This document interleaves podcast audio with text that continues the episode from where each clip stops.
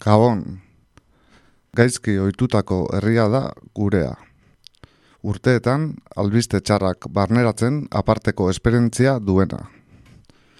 Itxasuraren gazitasunera oitzen den marine, marinelak edo fabrikako makinen burumara oitzen den langileak bezala, albiste txarrak prozesatzeko ohitura hartu du Euskal Herriko liserik eta aparatuak.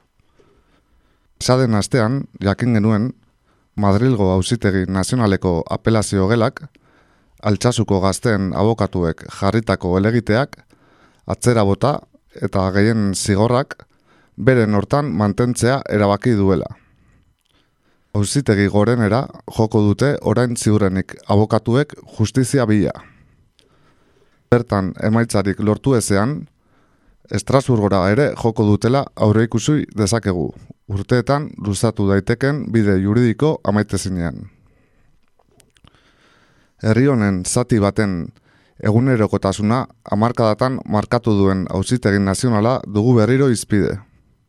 Estatuan, izandako transizio modeliko horren ondoren, frankismoaren tribunal de orden publiko famatuaren oinordetza hartu zuen auzitegia.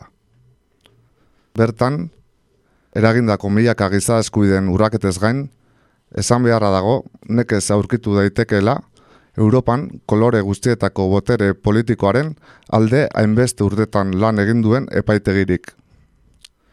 Hauzitegi honen gehiagizko iraupenaz gain, bere ezinbesteko lantresna izan den erakunde militara azpimaratu behar da. Guardia Zibila. Botere egune garrantzitsuenetan, bere botere propioa urteetan mantentzea lortu duen erakundea da, eta ez nola nahikoa. Bere erabeki almen propioak estatuaren botere guneetan kontutan hartu beharreko erakunde desberdindu bihurtu dute aspaldidanik. Bere garaian, Espainiar gobernuko negoziatzaile batek eta erakundeko mintzakidei onartu zien moduan, Aumadako dukearen aginduei besterik erantzuten ez dion erakundea da Guardia Zibilia. Gure herrian, eta are eta ara, era bereziagoan sakanako baiaran, izandako impunitateak, altxasun gertatutakoaren modukoak gertatzen jarraitzea albidatzen du. Hauzi honekiko alderdi eta buruzagi politiko desberdinen desadostasuna agerian geratu den honetan. Alderdi politiko horietako askok, aipaturiko impunitate horren bilakaeran izandako papera ere aztetu beharko da noizbait. Dena den, erantzukizun horiek gure herriaren lizerik eta aparatuak dagoeneko ez ote dituen prozesatu galdetu beharko geneoke gure buruari. Hemen hasten da, gaur egur. Guten Tag, meine Damen und Herren. Entering the United States. C'est la lutte contre le terrorisme. Katea ez da eten. Agirre, garaikoetxea, reizaola. Gaur egur. Gaur egur. Gaur egur. jolasten eta enredando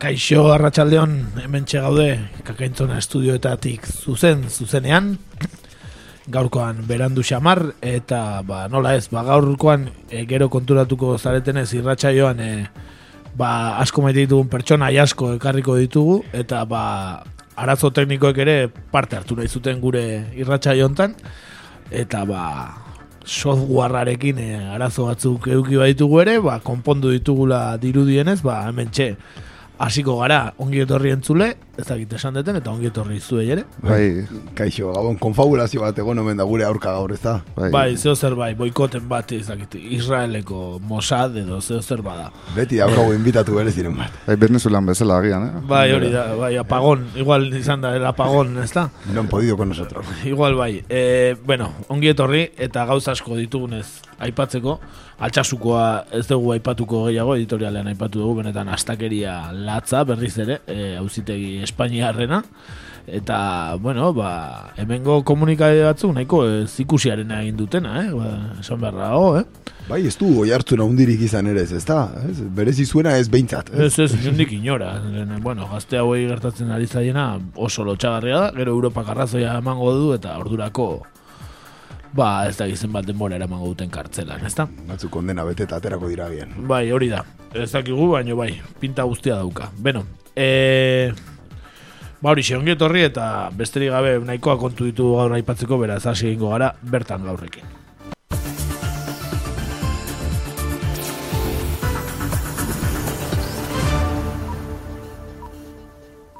Bertan gaur.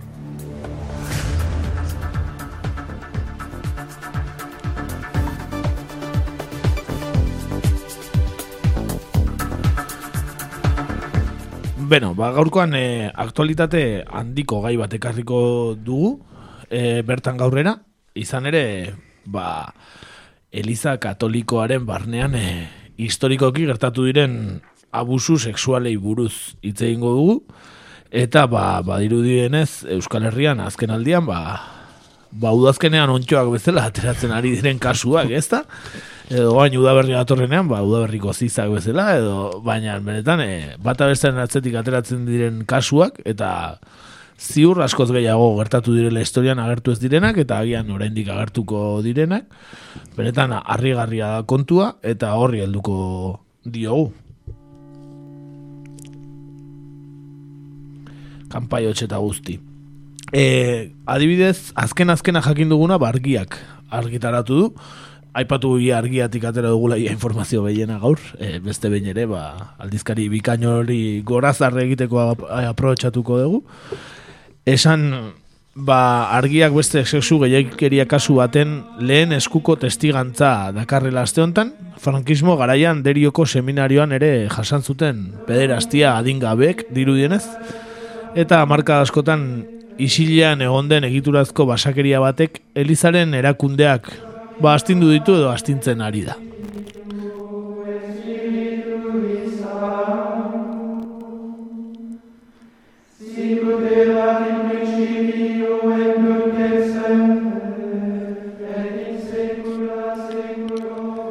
Apaizen eskuetan sexu abusuak jasan zituzten biktimen salaketak ugaritzen ari dira.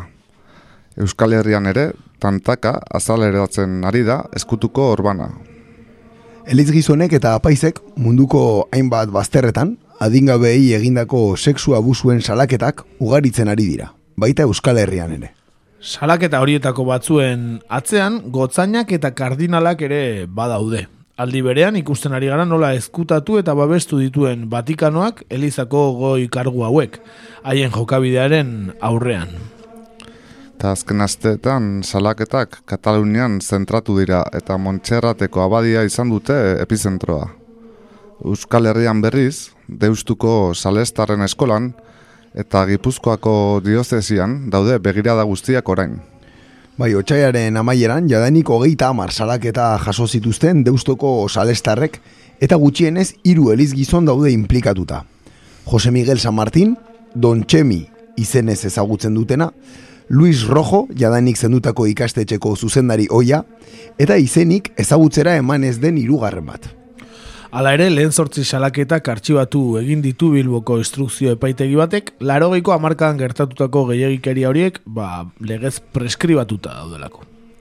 Eta biktimeek gogorazi, gogorazi dute, preskripzioak ez duela esan nahi, erasotzaileak errugabeak direnik eta irmotasun, gardentasun eta humiltasun gehiago eskatu diote Elizari. Ba, ikusten ari garenarekin, e, antzeman dezakegu hau guztia izeberg beldurgarri baten zati txiki bat besterik ez dela. Izeberg hori pixkanaka ari da azaleratzen, sexu abusuen biktima izan diren horien salaketei esker. Eta badira, amarkada batzuk gehiagikeria horiek gertatu zirela. Apaizak edo elizizonak izan ziren erasotzaile euren boterea aprobetsatuz eta aur gazteak biktima botere harreman horrek aspiratu, aspiratuta. Eliza agintariak berriz Vatikanoa buru zutela eskutatu egin zuten hori guztia. Elizaren eta bere erakunde erligiosoen barruan izandako sexu gehiagikerien egoera orokorronek erreakzio handia sortu du herritarren artean eta besteak beste Espainiako gobernuak berak elizako jerarkiari eskatu dizkio pederastiaren inguruan egin dituen ikerketa guztien berri eman diezaiola. Helburu zehatz batekin. Ola esan dute, onarte zina da, oraindik alako gertaerak ezkutatzen ibiltzea argi gehiago eman behar zaie, gaineratu dute. Eta testu inguru horretan, sexu gehiagikeria gehiagoren berri eman dute aste honetan argi aldizkariak. Eta mila beratzerun eta bergoita malau eta mila beratzerun da irurogei artean, derioko diozesi seminarioan zeuden adingabei egindakoak. Abade gaiak formatzea zarduratzen zirenek egin zizkieten abusuak amabi eta amabost urteko nerabei. Argian adibidez artikulu hau sinatu duenaren testigantza pertsonala ere egonda, eta horretaz gain informazio kolektiboa ere ba, lortu dute. Derioko zuzendari espiritual, komila artean zuzendari espiritual, baten gehiagikeriak jasotzen dituen inkesta ofizial baten bidez lortu dute ba, gehiagikeria hauek danak eh, jakitea. Eta seminario bereko beste arduradun batengan ere badaude antzeko susmoak.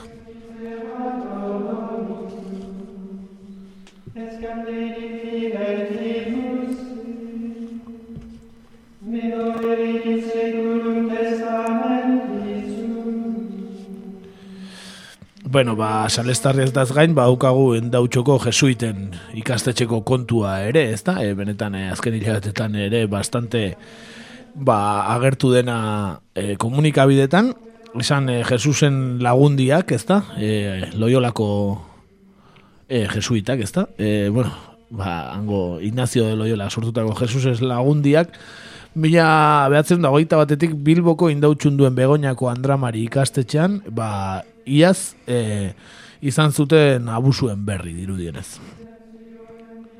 Berria egunkariari ikastetxeko zuzendariak azaldu dioenez, hiru ikasleoik kontatu diete jadanik hilda dagoen iragasleoi batek iraganean egindako gehiegikeriak. Biktimek ez dute salaketarik egin, gertatu zitzaiena ikastetxeko arduradunei kontatu baizik.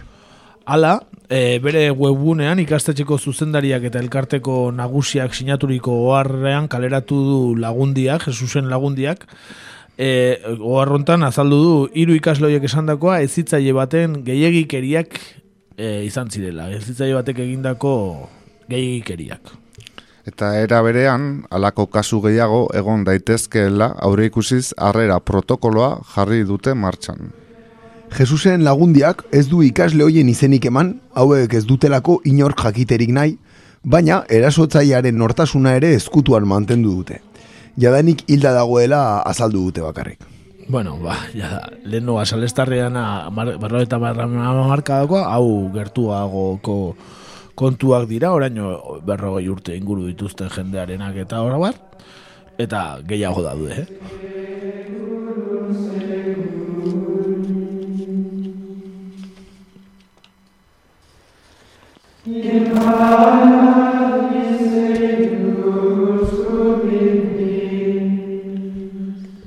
Ba, azte hontan e, jakin den beste gai bat, da e, Naparroako gareseko apaizaren abusuen kontua ere. Dirudienez, gareseko erreparaziokoen ikastetxean, apaiz batek egindako abusuen berri eman zuen gizon batek serri irratian. Eta berak eta bere anaiak jasan zituzten erasoak amabi urte zituela gertatu zen. Eta erizaintza gelan aritzen zen apaizura.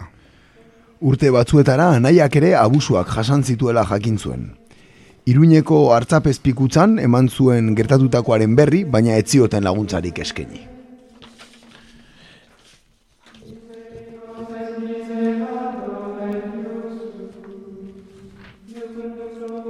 Esan zidaten han kutsa bat zeukatela gisa horretako testigantzaz betea, eta hortik etzela inoiz aterako, esan zuen salaketa jarri zuela, gainera ba, propotentzia ederrarekin, eh? Eta berria unkariak jakinarazi duenez, garezko erreparazioek erreparaziokoen ikastetxeko zuzendari Jesus Santerrek elkarrizketa horren bidez jakin du gertatutakoa. Nafarroako gobernuak justizia eta erreparazioa galde egin du.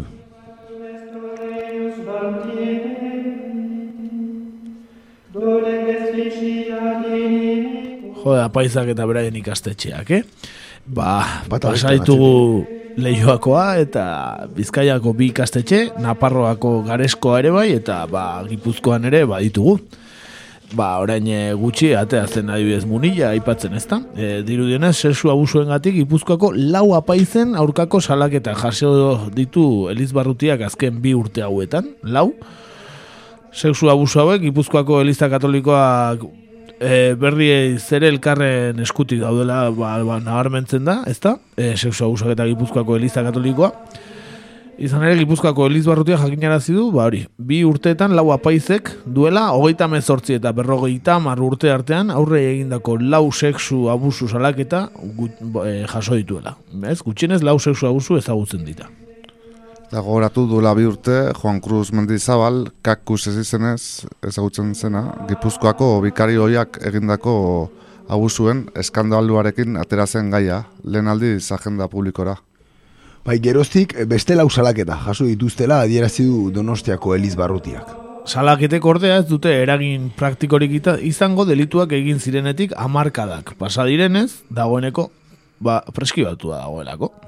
Eta gainera, salatu dituzten lau eliz gizonetatik bi hilda daude dagoeneko. Gipuzkoako Elizak dio barne legediaren araberako prozesua abiatu zuela, salatuak izan ziren, esa, iz, izan diren eta oraindik bizirik dauden beste bi apaizen aurka. Vatikanoak gainbegiratuta, gainbegiratuta eginda prozesu hori eta bi apaizei zigor kanonikoa ezarri zaiela Bueno, jakinara. zigor kanoniko adibidez kakuse hau ez, eh, Juan Cruz Mendizabal eh, ormaiztegiarraren kasuan, ba, bueno, jakintzen, eh, ezagit Kataluniako konbentu batean edo dagoela, ez da? Ez dago Monasterio batera bidali omen monasterio ez? batean eta antxe dagoela, ez? Ba, hori da justizia kanonikoak ekartzen duena, ez da? E, ere, e, ba, munila EITB-ko, ETB Euskal Irratiko faktoria irratxa joan eh, entrevistatu zuten, eta zatitxo bat ekarriko dugu, ba, herri hontan hain ezaguna eta hain gustoko dugun Jose Ignacio Munilaren ahotsu gozoa entzun dezagun. Badago puntu bat, Elizaren artxiboena, iraganeko kasuak argitzeko gakoa izan daitekena, kasu batzuetan onartu da suntxitu egin direla artxiboriek. Suntxitu ez diren kasuetan eramango dira epaitegietara? Bueno, begira, eh, oneran guregana etortzen dan pertsonen, pertsonen bat esaten diogun lehenengo gauza dala, eh, hain zuzen, epaietara juteko, eh, zibilera juteko. Orduan esan idete Elizan esaten dan lehenengo gauza hori hori dala, eh? bere atea, bere atea jotzen dun ba, bati entzuten dun lehenengo gauza hori dala. E, horrek ez du esan nahi, hain zuzen ez da, e, Elizaren atea jotzen duna, ez, eh, ez, da, ez daukanik baitare, ez daukanik deretsua, ez da eskubidea, ba, bere, ba, be- bere barrukua gordetzeko, baina esaten zaion lehenengoa hori da. Mm, Baina Elizak dituen e, dokumentu horiek lagungarri izan daitezkenak argitzeko amaituko dute epaitegietan? e, gu ez daukagu inungo, inungo dokumenturik, e, guandikan legepean dagonik eskura eman ez daudenik. Esan idete, gure, gure eskuetan dauden, daudenak eta lantzen ari, ari geranok danok preskibituta daude. Esan idete, legez ez daukatela inungo rekorridorik. Eh? E, Hori hori garbi esan beharra dago. Jose Ignacio Munilla, Donostiako gotzaina. Eskarrik asko Vale. Euskadi Irratiari erantzuteagatik, segi ondo. Ondo izan. Bai, eskerrik asko Jose Ignacio Munilla, hain argi hitz egiteagatik, e, naiz eta badituzten informeak, ba nola preskribituta dauden, ba ez dituztela entregatuko, ezta? Hoxe bera, ez, legeak ez dielako behartzen ala egitea, ez, ikusten denez, preskripzioa dagoenez, ba, ez dago neurri legalik hartzei. Eta orduan, ba, informe horiek existituko ez balira bezala, ez? Ezin dute, naiz eta bizirik egon biktimak eta erreparazioa eskatu, ba, ezin dira informe horiek ezagutu ere egin. Bueno, ba, guzti honegatik, e, egindako abusu delitu hauek preskribatu ez daitezen e, legea aldak, aldatzeko eskatu zuten adibidez, ba, salestarren ikasle horiek egindako elkarteratzean, ez? Deustuko salestarren aurkako salaketak jarri dituzten ikasleek, ba, politikariei eskatu diete egin beharreko aldaketak egin ditzatela, aurren sexu abusuen deliktoak ba, preskribatu ez, daiz- ez daitezen, ez? Eta Vatikanoak pederaztiaren aurkako goibiera egin eta biharamunean kaleratu zuten agiria biktimek. Joan den astean, Bilboko instrukzio auzitegiak irakasle hoiaren aurka jarritako hogeita maika salaketatako zortzi artxibatu zituzten. Laro garren amarkadan aurrei egindako sexu abusu delituak preskribatu egin direlako hartu zuen erabaki hau auzitegiak. Eta horregatik eskatu dute delituok ez pres- preskribatzeko neurriak hartzea. Salatzaileek azaldutakoaren arabera, sexu abusuak pairatu dituzten aurrak, adinez nagusi izatera heldu eta delituak salatzeko erabakia hartzen dutenerako, denbora gehiegi igarotzen da eta horrek asko zailtzen du egia argitara ateratzera. Jarritako saleketekin aurren aurkako sexu abusuen gaia mai gainean jarri eta abusuak jasan dituzten guztiak salaketa jartzera animatu nahi dituzte ba, biktima hauek. Eta oharrean, Elizari eta Salestarrei bereziki gardentasuna, humiltasuna eta zintzotasuna eskatu dizkiete, eta erasotzaileak ez babesteko. Bueno, ba, hori xe ez da. Azkenean, ume batek, ba, kontzientzia hartzen duenean eta e, pixkat gainditzen duenean, abusu horiek eta ez, pederaztiak kasu horiek eragindako guztia, ba, delituak ba, preskrituta daude. Hor dago, hor dago kontu honean, gakoa, ez da? Duari gabe, ez argi eta garbi hor badago, ez, utxune bat, ez? Legeak dioen, dione, dioenaren artean eta gertatzen denaren artean, ez? Du zalantzari gabe, vamos. Domine Deus, rex celestis, Izan ere, ba, e, adinga txi- txikiko edo umei egite zaizkien sexu abusuak, ba, ez, ez preskribatzea da, ba, kontu hau konpontzeko era bat, edo, bueno, bintzate justizia egitekoa, ezta? Izan ere, maiz berandu salatzen diralako. Umeen hitza froga gisa onartzea ere, umeek hori ongi zain, eta ume horiek ondo zaintzea ere, ba, dira erronkak, ez, kontu guzti honetan. E, gauza bada legeak zer eman dezaken, eta bestea, ba, herritar gisara guk, ba, zer egin dezakegun, ezta? Eta bada jendea, ahots ozenean kontatu nahi duena zergaratu zaion, eta hori publikoa izatea nahi duena. Eraso horiek justiziaren aurrean preskribatuta badaude ere, zenbaitetan salaketa jartzeko pausoa ematea holkatzen dute. Zer gerta eitekeen oso ongi azaldu behar zaie, ordea, pertsona hoiei, izan ere egun Espainiako legerian preskripzio epea hasten da kontatzen biktimek emezortzi urte betetzen dituztenean. Delitu harinentzat bost urtekoa da eta larrientzako ama bost urtekoa. Eta Frantziako legerian iaz egin zuten aldaketa. E, hogei urtean hasten zen lehen preskripzio epea, eta hogeita marrera igo zuten. Bada preskripzio epea biktimek berrogeita urte betetzen dituztenean kontatzen hasteko eskea. Sustatzen ari direnek horren aldeko bosteun da hogei mila izenpe lortu dituztela esan dute berriki. Juan Katreka saz da hoietako bat, esaterako, e, borrokan da bilena, eta hala dio, biktimek sarri kontatzen dute aldutenean. Ez, alaxea azaltzen du. Bai, eta ondo dakiz zertaz ari den, izan ere biktima baten aita da. Leioako gaztelu eta eskolan, irakasle batek umetan abusuak egin zizkion gaztearena. Beste hainbat eske lotuta daude auzibideetan sartuta dauden biktimei laguntza emateko moduak fintzeko proposamenekin. Batez ere adingabei begira. Eskaeretako bat da adibidez, aldela behin bakarrik deklaratzea aurroiek, eta auzitegi aretotik kanpo egitea. Ade, adibidez, ba, arloan espezializatutako ba, psikologoekin, ezta? Bai, eta helburua izaten da, ahozko epaiketako eguna heltzen denean, deklarazio horixe, instrukzio aldian hartutakoa, grabatuta ipintzea auzitegi aretoan. Delitu motaren ezaugarriengatik gainera, salatzailearen deklarazioa izaten da askotan froga bakarra sexu abusuen kasuetan. Biktimaren hitza akusatuaren hitzaren aurka izaten da. Eta noski, ba, guzti horrek, ba, zaildu egiten du auzia, ezta? Eta bidean ere, kasu asko geratzen dira, gehienak ez. Bai, Save the Childrenek 2008 garren urtean, sexu abusu ez argitaratutako ikusi nahi ez duten begiak, txostenaren arabera, kasuen euneko larogei tamarra ez dira ahozko epaiketara heltzen, Euskal Autonomia Erkidegoko epaitegietan. Nafarroan, euneko larogei tamalaua. Kriston datu gaz, hitz egiten. Euneko larogei tamarra sekula ez da iristen auzibideta, eta Nafarroan euneko larogei tamalaua. Beste mugu baten esan da, kasi kasurik ez dala heltzen epaitegietan. Hori da, eta orain agertzen ari diren hauek dira, hori, izebergaren punta, baino puntaren punta gainea, eh? Eta, benetan, hitz egiten nahi gehan, eh, kontua oso, oso bo, grabe. Bai, da, eh? larria da, bai. Oso, oso larria.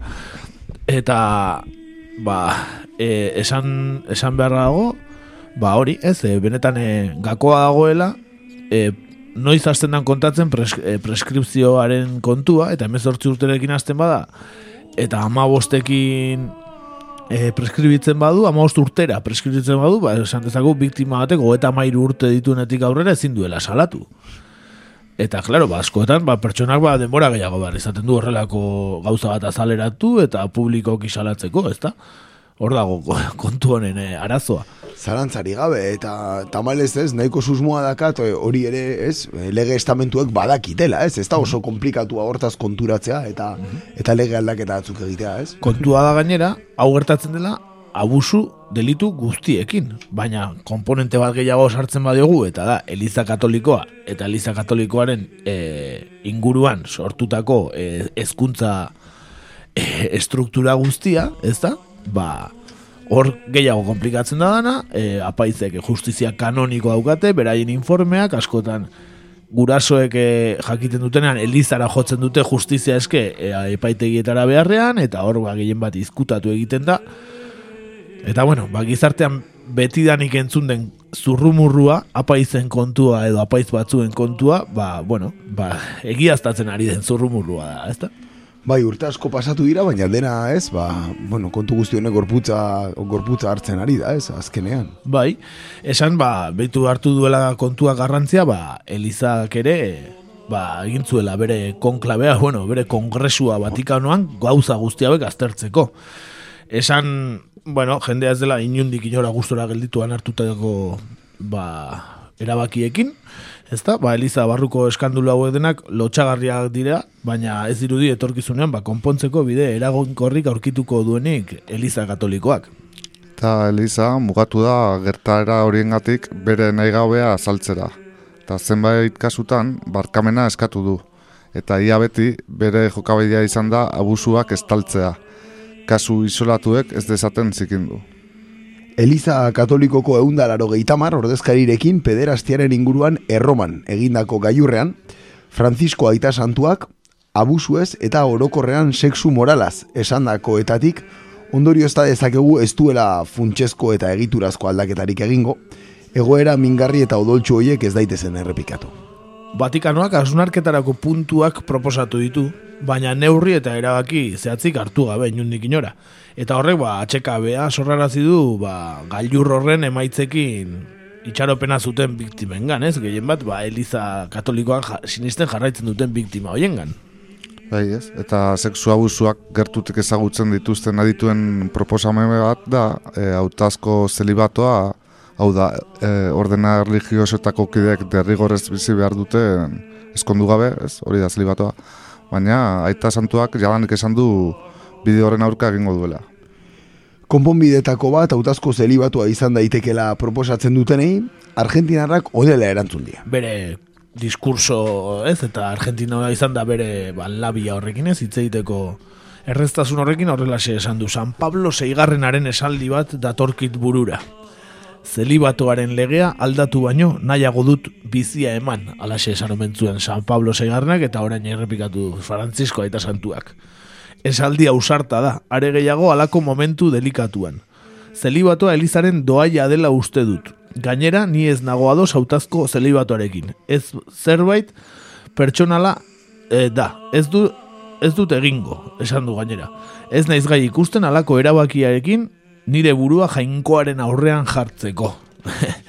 ba, biktimen e, testigantzekin eta ba, jainkoaren aurrean jartzen, eh? Patxi aita santu. benetan, eh, bueno. Bauka zer konfesatu gizon honek, eh, desde luego. Bueno, benetan, eh, askotan Eliza dirudi, ba, mende pare bat eh, atzeratu ba, bizi dela gizartearekiko, baina gero gaina duen boterea gaineratzen badiegu eta eta horrelako ba, gai larriak at- ateratzen badira, ba, benetan eh, nik oraindik ez dakit nola asko ez duten fedea galdu jangoiko horretan, ez da? Eta harritzeko da, ez? Nola oain arte, ez dan e, epaile bat, ez? Guk hainbeste epaile eukita, ez? Espainian, ez? Arduratu gauza hauetaz, ez? Edo epaitegi bat, edo zeo zer berezi bat, sala berezi bat, edo, bueno, ez?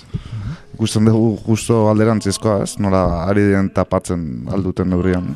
Ba, ikusten baigu hauzitegiek ere, ez, askotan eh, aipatzen dugu hemen nola frankismotik eh, etorriak diren eta nola ba, e, ba agintariekin oso lotura estua dutela, ba agintarien ortean Eliza Katoliko sartu barra daukagu, batez ere, ba estatu Espainiarrean, e, ba oinarri oinarrian dago, ez botere egunen oinarri oinarrian egonda, azken mendeetan Eliza Katolikoa eta jarraitzen du egoten, ezta? Za, Zalantzari gabe, eta gero egia da ere hor excepzio handi bat egiten dala, ez? E, legearen aldetik, batez ere, e, hori, e, auzitegitara iristen diren kasu gutxi hoiekin, ez?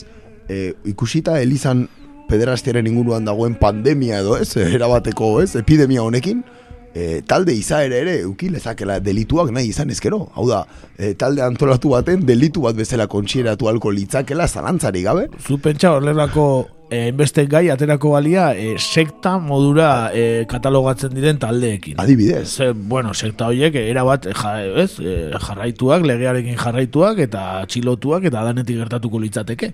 Bai, eta agrabante batekin dala talde organizazio hori, ez? Noski, eta Eliza Katolikoa, ba, bueno, ez, ez, nola ez duten sektan sartzen, ez eta Eliza Katolikoaren barnean ba, dauden sektak, Bera.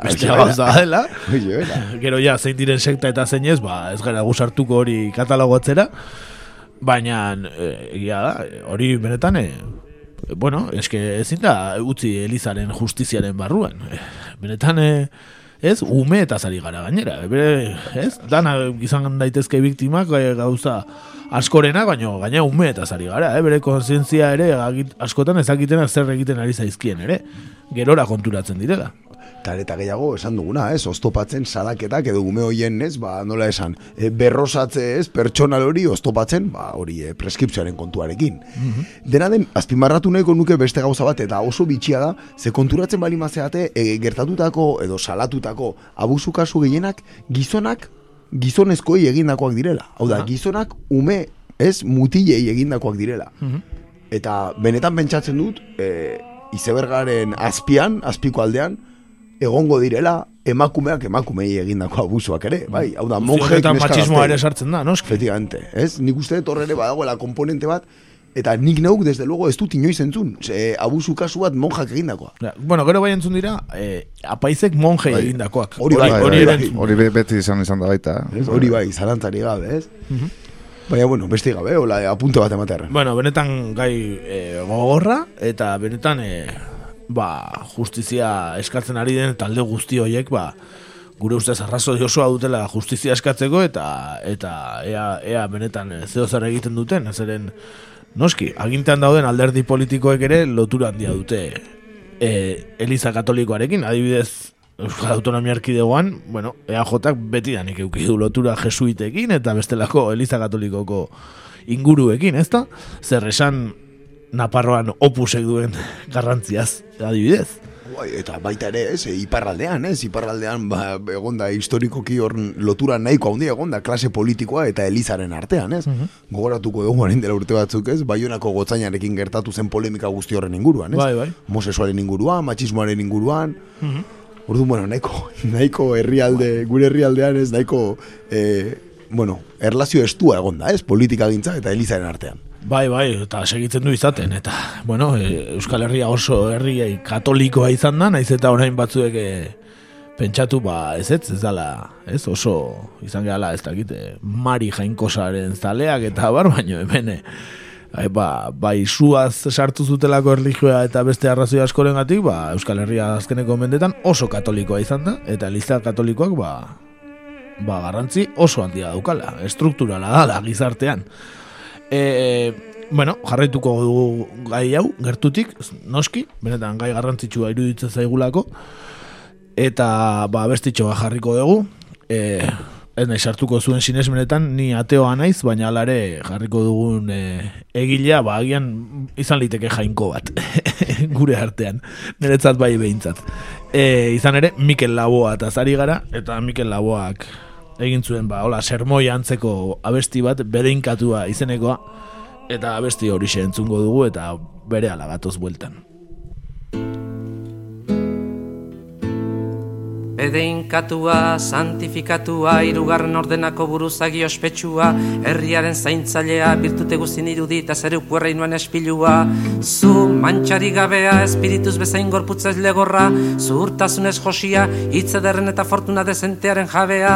Zu, nun baitetik etorria, profeten abotsa, auzokoen kezka. Zu, hogeita maust urte luzez emaztea, igandarra txaletan etxeko leiotik begira duk izenduna, emazte gaixoa, emazte iluna, emazte gazte bizarduna emakume leial batek merezita dezio bezain gartxuki oido lorkeriaren handia. Sekulan izorratua eta zure gorputzez gozatu izan etzena bere erraieteko indar desesperatuen birtute santutasunetik aterea. Aitaren ustelkariaren kulpa semetonto batzuen ama izan dua.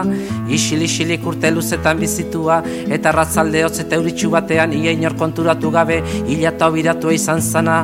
Zu maltako kaballeroa prozesioetako zingurria oitura honen defentzailea dantza zikinan etxaia morratua neska zarren postimurra agure okerren segurantzia ilunpetako somorroa nauzi guzien zerbitzari pareri gabea amargarren mendeko itzala mabietxen jabea zimaurretako zizare kolore gabea. Santua, santua, guzti santua hauzi konpontzaile trebea, zizeron berpiztua, grekoaren kuadroetatik ateratako gizon magroa, zabiduriz eta zerresbeterik munduko pekatuen aurrean oiu egiten duena, lapur galanta, hasta zakil paregabea, zure eriotzako egunean kanpo santuko harrak baskatuko ute zimaur gozoa. Nere hitza ez dezala, aizeak eraman, amen.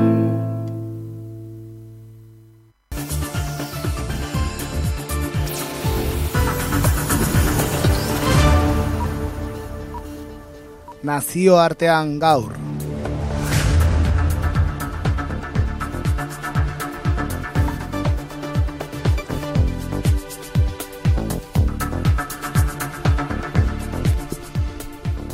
Eta nazioartean zer, erligiotik, eh, erligiora egingo du, erligio berrira. Hori da, bai, zan daiteke erligio berri bat, bai. Sare sozialak, ez da. Bai, eta bai, jendea ikusitan nola, ez, e, katiatuta dagoen, ez, ba, Bai, bai, bere buruari gurtza eta eta, eta besteak ikusteari na, ez da sare sozialen hogeita garren mendeko erlegio berria ari helduko diogu. Bai, eta hoien artean ez, Facebooki buruz zain zuzen, ez? Eta Facebooken zentsurari buruz zain zuzen. Eta ba, esan ba, hemen e, fasismoa eta jazarpen matxista onartu egiten dira izenburupean eldiario.es edabideko Juan Luis Sánchez eta David Sarabia kazetariek Facebooken zentzurari buruzko erreportaia egin dute. Bai, multinazional erraldoiaren zat, mundu osoko ama mila langile, ari direla diote, lanean norentzat ari diren esatea guztiz debekatuta akatera ere esaten dute, ezta? Baina Facebook entzat ari dira, eh? Eta beste enpresa batzuen bidez azpi, azpi kontratatzen dituzten, nola ez, ezta? Nola ez. Eta eta gainbegiratu behar dituzten edukien gogortasunagatik eta langileen artean elkar zelatzeko daukaten sistemagatik askok estres posttraumatikoa peiratzen dutela salatu dute. Zentsura ideologikoa eta langileen egoera prekarioa ere salatu dituzte.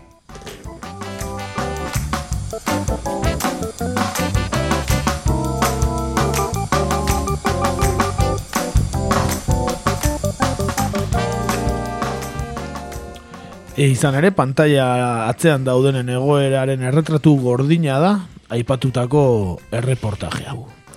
Eta Hilderri buruzko edukia ez zabatzeko aginduak ditugu, baina Frankorenak adibidez ez diote anonimatu zeuna mantendu nahi duten bi langilek. Benetan esanguratsua, eh? Adirazpen hau, eh? Hitlerrenak bai, baina Frankorenak ez.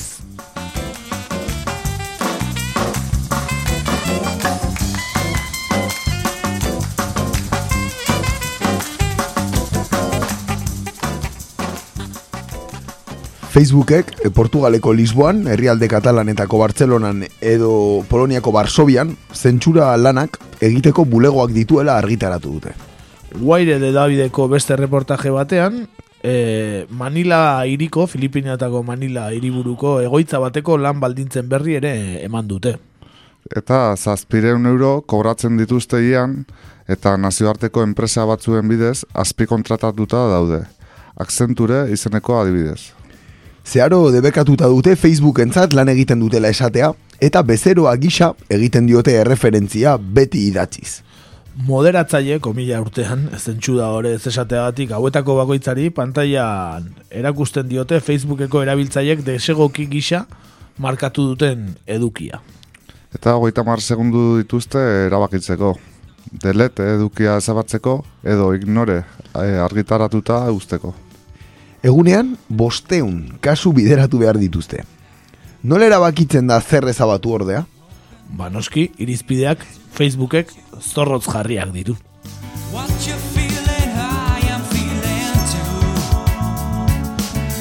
Stop, never give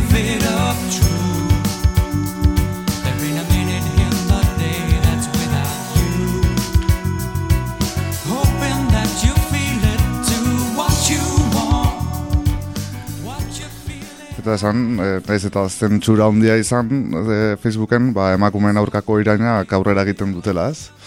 Eta norbaiti kontua ezabatzeko Facebooken arauak, arauak hautsi behar dituen posten euneko hogeita marrean azaldu dutenez. Bai, hori da, uneko hogeita marrean, e, gautxi behar ditu arauak erabiltzaile batek bere kontua ezabatzeko edo blokeatzeko. Bai, ala ere, e, profilak ezabatu baino argitarapen zehatzak kentzen ibiltzen direla aitortu dute. Izan gaitezen errealistak. Ezabatuko bagenitu akosatzen ibiltzen diren jende guztiaren profilak, pornoa igotzen dutenak edo marihuana saltzen dutenenak, batzuk aipatzearren, profil asko ezabatu beharko genituzke, eta Facebookek ez du erabiltzaileari gabe geratu nahi, noski. Alaxe esan dute, ezta? Abulin mezuak e, jende gutxik salatzen dituenez, ez direla beren eskuetara altzen eta beraz publikatzen direla salatu dute. Baita emakumen aurkako menzuak ere. Facebooken indarkeria matxista izugarria dagoela salatu dute bilangile hauek. Gizon asko, mutil gazte asko, Facebook bidez emakumeak iraintzen ari da etengabe. Batzuek, hainbeste egiten dute, e, ezen zentsura gainditzeko trimik, trikimaioak ere kontuan hartzen dituzten. Facebookeko horri askotan izugarrizko jazarpen matxista dago. Emakumei denetarik esaten zaie eta inork ez du ezer egiten aipatzen dute langile hauek. Gauza bera diote fasismoaz. Pertsona batek Hitler goraipatzeko iruzkinak egiten baditu, ezabatu egiten dira. Espainiar batek Franco goraipatzen badu, publikatzen uste diete. Kasualida.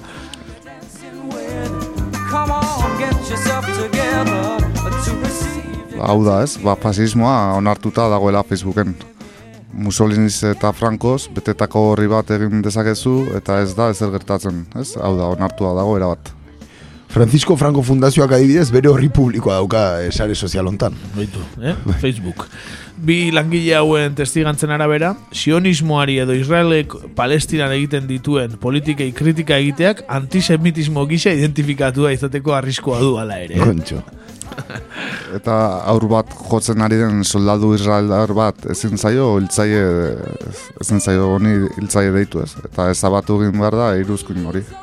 Nola ez? Baina Franco, Franco eta Mussolini publikatuta. Hor ez dago arazoik.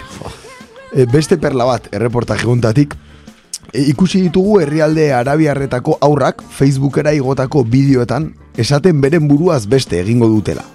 Berdin du. Amerikako estatu batuetako edo Europako aur batek gauza bera egiten duenean, ordea autoritatei dei egiten zaie, diote hitzez hitz.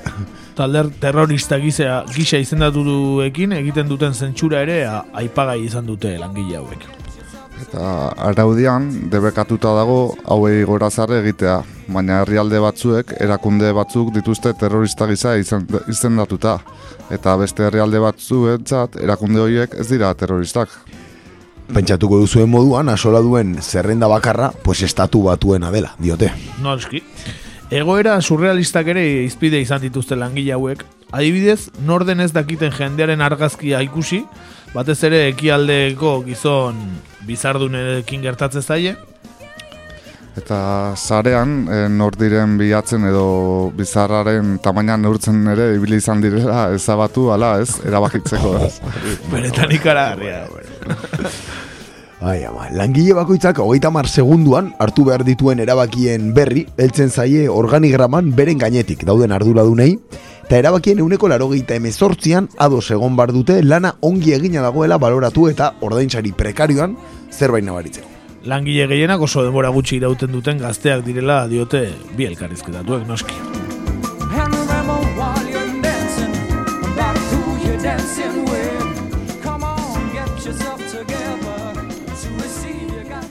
Eta noski, zentsura kasu guzti hau ez gain, ba, noski, bertako langileen eh, egoera ere, ba, oso oso prekarioa da, ezta? Ba bai, ikusi ditugu garunak e, lurrean zabalduta, hildako aurrak, zibiei hilarteko jipoiak eman dizketen soldaduak, diote zer nolako lan egiten duten azaltzen, ez? Lana oso gogorra dela eta askotan ezin izaten dutela lorik egin diote ikusi dituzten irudiengatik. Estres posttraumatikoa langileen artean zabalduta dagoela diote eta lantokian psikologoa daukatela. Naiz eta ez den derrigorrezkoa honekin biltzea. Eta langileek be, bonusak jasotzen dituzte, bideoak amaieraraino ikusten badituzte. Eta ez bazara bideo amaiera arte ikusteko bezain indartsua izan, eta erabakia lehenago hartu baduzu, zure kalitatean eragina izango du. Eta horrek, esan nahi du bonus gutxiago, hilabete amaiarako soldatan, beraz, eh, soldata basuagoa, noski. Norbaitek bideo batean bere buruari zu ematen badio, emezortzi urtetik beherako entzat markatzen dugu zentsuratua. Baina bideoan pertsona erreta hiltzen bada, ezabatu egin behar da. Beraz, norbaitek amaiera arte ikusi behar du. Bideo hori noski. Eta langile batek, adibidez, ba, ezin du patrikatik edo poltsikotik bere mugikorra atera edo ur botila bat eh, ere ez, ba, ba, ateratzen badu nagusiek eh, zigortu egiten dutelako. Eta zortzi orduko lanaldian, hogeita mar minutuko atxedena dute. Eta beraiek banatu behar dituzte atxedenaldiak. Bazkal ordua edo, edo hankak luzatzeko behar duten denbora. Enpresak saritu egiten du langileek elkar salatzea, gainera. Eta hori egiten dutenek jarrera onagatik sariak dituzte.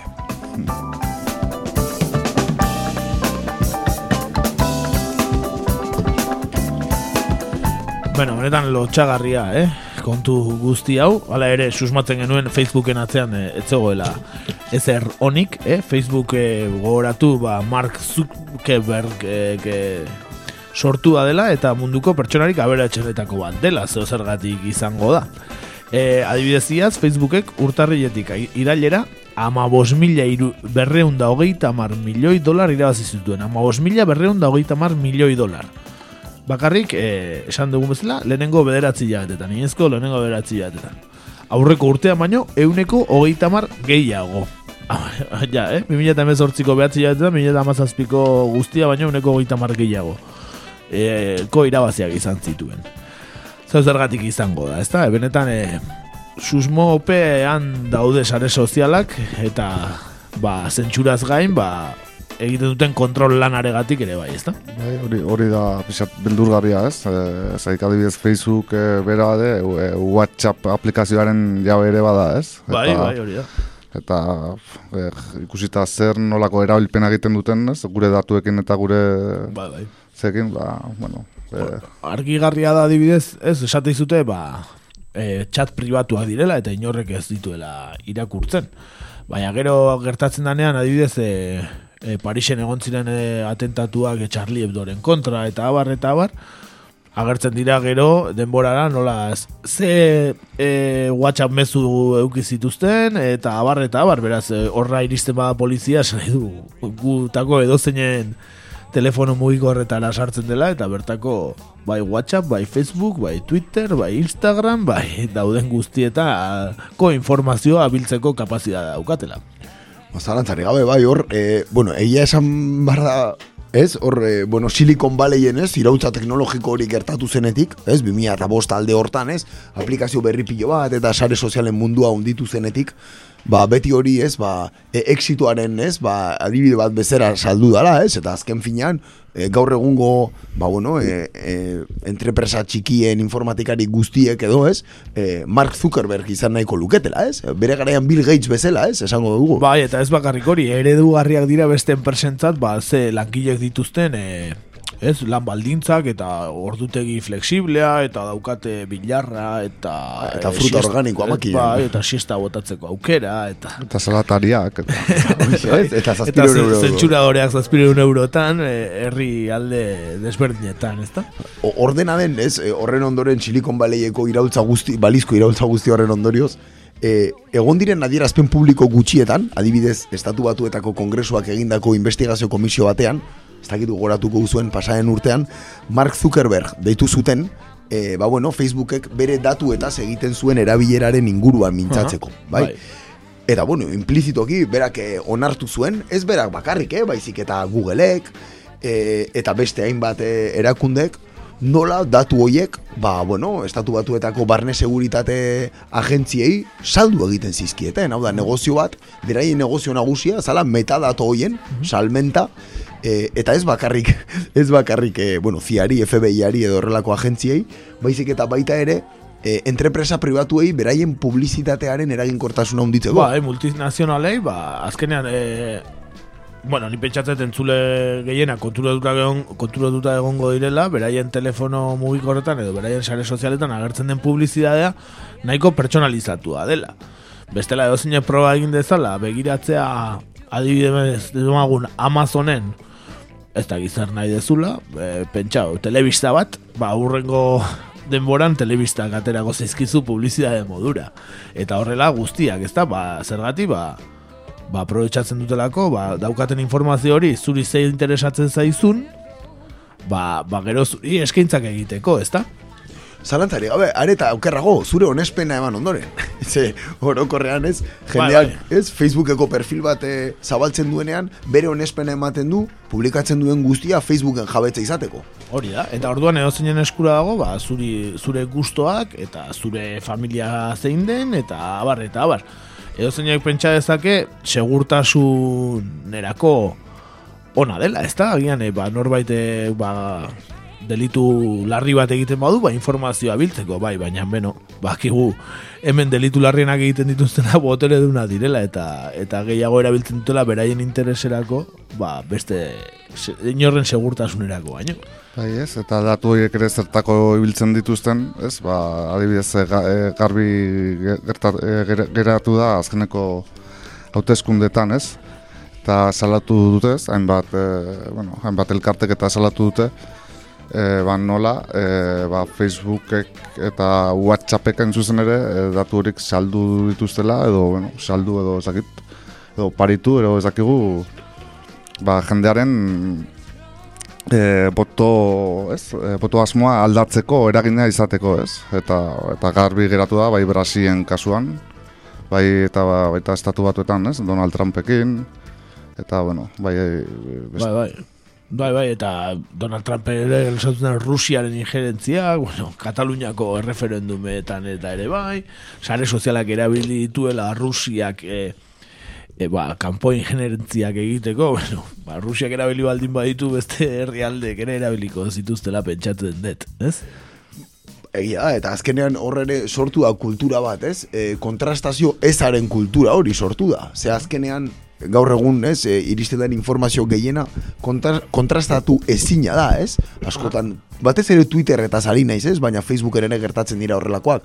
Informazio bat kaleratzen da, eta inorkestak informazio horren oinarria zein den. Fake news famatuak, ez da? Efectivamente, eta horrek, de hecho, demostratuta dago, e, baude, ez, e, e, estudio soziologikoak, esaten dutenak, iritzian daukaten eragina oso handia dela gaur egun jende gehiena hortik informatzen delako. Noski hortik informatzen den enean eta zentsura dagoen enean, ba, e, gauza batzuk eta kasu batzuk ba ez dira azaleratzen, ezta? Edo jendeak ez ditu ba ez, di- ez, Ez ditu ikusiko. Ez, ditu ikusiko, ez dago jakinaren berri, ba, ba gauza horiek gertatzen direla, ba zentsura hore batzuk dituztelako beraiek, ez? Eta argi geratu da, adibidez e, Israel kritikatzen badezu, ba antisemitismoaren izenean, ba blokeatuko zaituzte agian.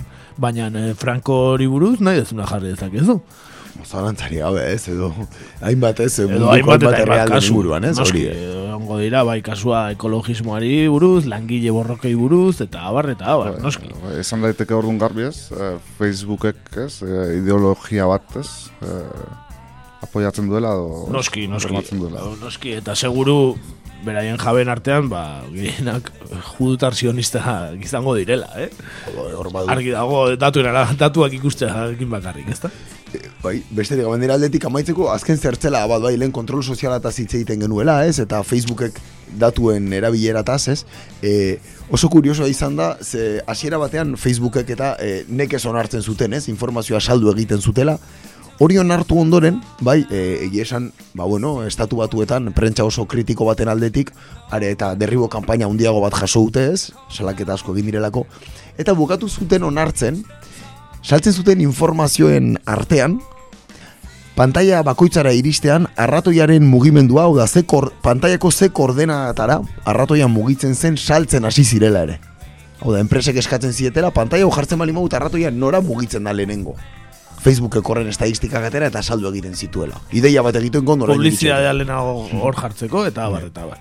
Bai, bai, esaten da, ez da konprobatu ez dago, baina adibidez, etxea garbitzeko erabiltzen dituzten robot hauek, e, rumba da markari famatuena, baino gehiago daude, e, esaten da, e, zure etxeko planoa egiten duela. E, garbitzen duen bitartean, GPS bidez dagoenez, etxeko planoa sortzen du eta bidali egiten du, eta adibidez saltzen dio Ikeari, Ikeak zuri e, eskaintza egiteko, ba, ze ondo datorkizun neurri ontarako mueble hau, altzari hau e, etxean. Adibidez, eh, esaten da, ez dago konprobatuta, baina bueno, nik sinisten dut horrelakoak ere egingo direla. bai, bai, bai, ez da, ez da, eh, disparatatua, ez, hori siniste ere ez, desde luego. Eta, ba hori bueno, ba, bukatzeko esan gure entzule gehienak gauza guzti hauek ba, izkitela eta horregatik entzuten dituztela komunikabide alternatiboak eta informatzen direla beste bide batzuetatik. Eta ba, gure aldetik ba, eskerrik asko entzule ba, ba, gu entzuteagatik eh, Facebooketik informatu beharrean edo biak egiteagatik ez bakarrik eh, Facebooketik edo, Facebook edo Twitterrez informatu.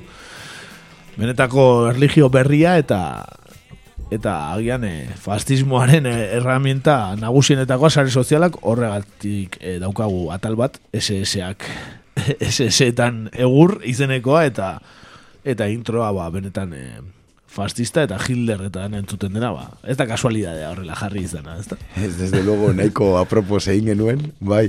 Bai, e, bueno, bukatzeko, ba, bestitxo bat ekarri dugu, gaur bertan ezagutu dugun taldea, Los Integrantes de Chihuahua taldea, ba, noski Mexikotik, Chihuahua, Chihuahuatik eta beraien abestia Adicto a Facebook. Ba, zatikan asko, ba, beste zea bada, eh? Adikzioetako bat, eh? Droga berrietako bat, adikzioa sare sozialera edo, edo egun guztia mobilari begira egotearena. Hori ere, hori beste egun batean hitz egiteko kontua izango dugu. Ba, gozer esan, bai. Bai, bueno, ba hori xe, los integrantes de Chihuahua eta adicto a Facebook.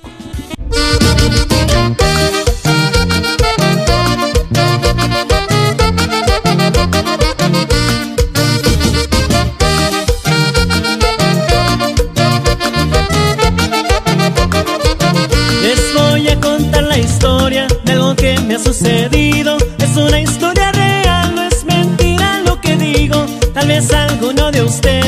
pasó algo parecido. Por eso a continuación les cuento lo que he vivido.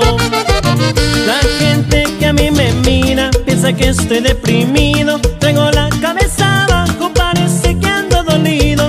La gente que a mí me llama ha de pensar que soy sordo. Pues a veces me han hablado y casi nunca les respondo. Pero la purita neta, la puritita verdad es la que les cuento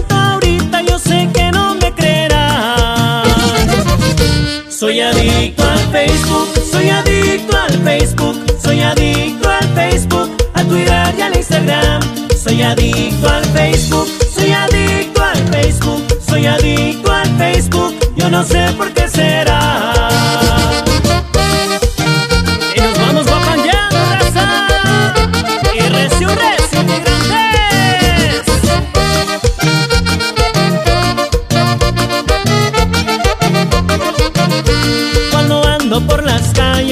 Los carros me pitan. Ellos me han arremangado por no levantar la vista. Cuando estoy con mis amigos, casi nunca me hacen caso. Pues dicen que estoy clavado y nomás ahí me la paso. Ya con esta me despido porque ya están comentando.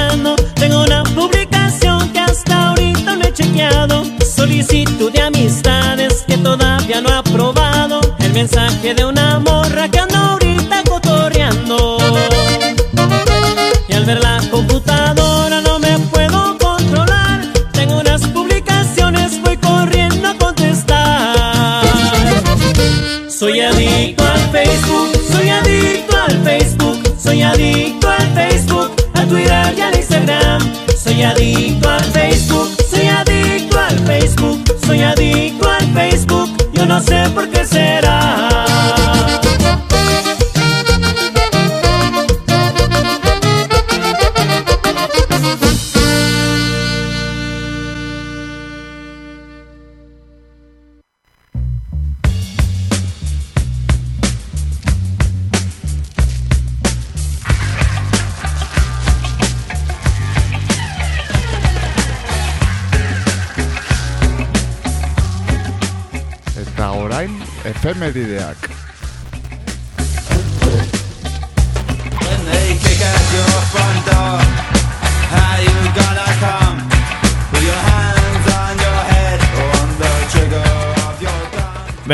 Gaurko lehenengo efemeridea, ba, bolo-bolo dabil e- edabideetan eta sare sozialetan, beraz, enteratuko zineten, guk ere gero sare sozialei eskaintzen diegun atalean aipatuko dugu.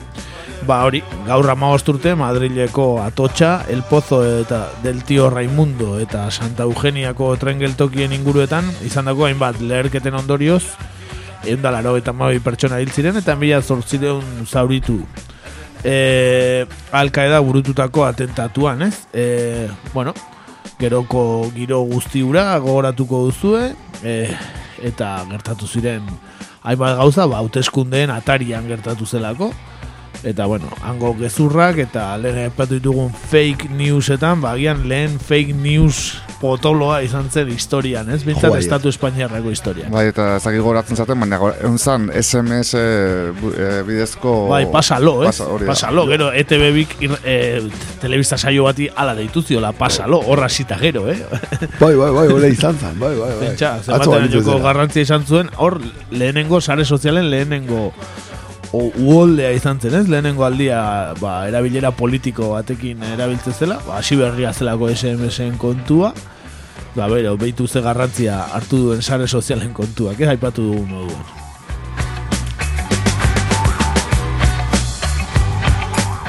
Eta baita eh, akordatu kontestu horretan, nola Iruñan Donibane auzoan eh, polizia batek Angel Berrueta, ba, ez? Okina, ez okina da, zuela. zuen. Bai, bai, bere okindegian e, ez, ez jarri nahi izateagatik eta haren aurkako Hori da, bai. ba, kartel bat ez, ba, eta zela Madrileko atentatu hauen egilea jartzen zuen kartel bat ez ez jartzea onartzeagatik, ba, gero eztabaida baten arira, ba, zuten bai. tiro zil zutela, Angel Berrueta, Bai, eske- okina. Bai, gogoratu, eh, nola ze ambiente zeon, eh, egun haietan. Ambiente gogorra, eh. La- Latza.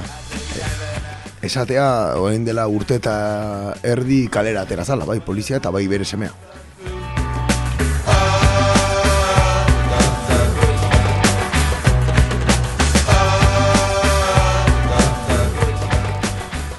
Eta martxoaren amabian, baina mila behatzerun da emezortzian, e, berreun da amabost urtetan, San Petersburgo Errusiako hiriburu izan ondoren, Mosku izendatzen dute Errusiako hiriburu.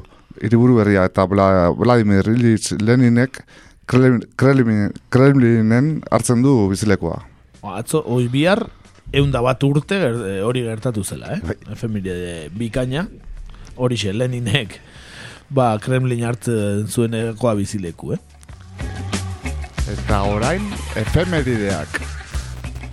Eta bihar ere, bai biharko egun batean, baina mila bederatziron da iruro gehieta maikan, Jafez al-Assad, Siriar estatuko buruzagi aukeratzen dute, 2000 garren urte arte izan zen Siriako presidente, eta horrez geroztik, ba, gaur egun ezagutzen dugun bere semea, Bachar al-Assad, da ekialde hurbileko ba, herrialde ontako presidentea. Nola nahiko herrialdea azken urteetan, eh? Desde luego.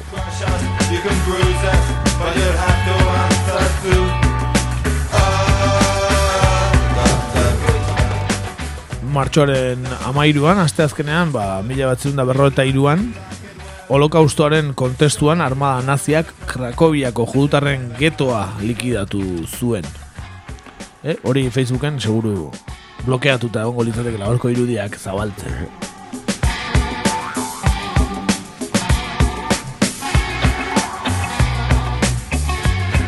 eta martxoaren amalauean, baina mila zortzireun da laro eta iruan, e, eh, Karl Marx zendu zen. Aizpatu beharrik ere ez dago zeintzen Karl Marx, ezta?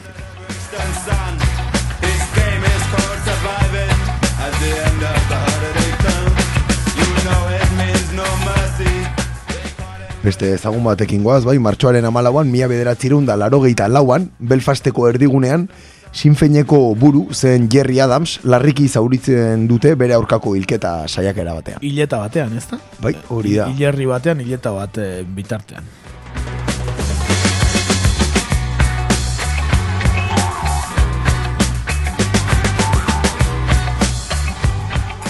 eta martxoaren amalauean baita ere, baina 2000 batean ba, Ital Italiako Genova e, irian, jezortziaren aurkako ba, kontrako gailurreko mobilizazioak hasi ziren, benetan historiara basi ziren mobilizazioak, e, poliziak e, gazte bat ere hil zuen. Polizia, ez, nola zuken izena? Carlo Giuliani. Giuliani, bai, hori akatu zuten bideo bat, de hecho, grabatu zen, ez, bere garaian, eta horrik ikusten da, nola, pistola bat ateratzen Bai, duten, eta benetan, eh, bueno, ba, kontra gailur hauetan, ba, benetan historiara pasatzen horietako bat, danak pasa dira historiara, baina hau oso oso potente izan zen, eta aprobetxatu dezagun gogoratzeko urrengo gailurra Euskal Herrian dela, eh? Biarritzen dela, ipatu genuen bere garaian, eta ba, hor ere egongo dela kontra gailurra.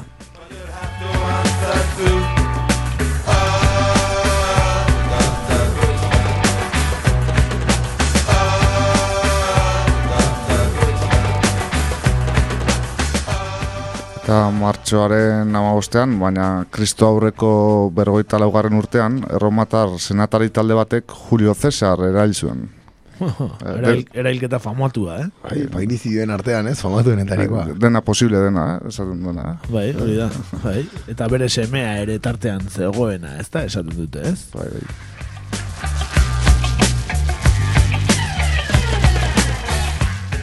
Martxoaren amabostean ere, baina mila bederatzerun da irurogeita mabian, gangster Italo-Amerikaren inguruko filma ezagunena estrenatzen da, hau da El Padrino, bai? Eta pelikula aktore eta gidoi honenaren Oskarrak eramango zituen urte berean. Eta pelikula ezaguna, ez da? Eta norbaitek ikusi ez badu eta zinea gustatzen bazaio, ba, badu garaia ikusteko, beretan historia pasatu zen pelikula horietakoa delako. Ez besterik esan. You can crush us, you can bruise us, but you'll have to answer to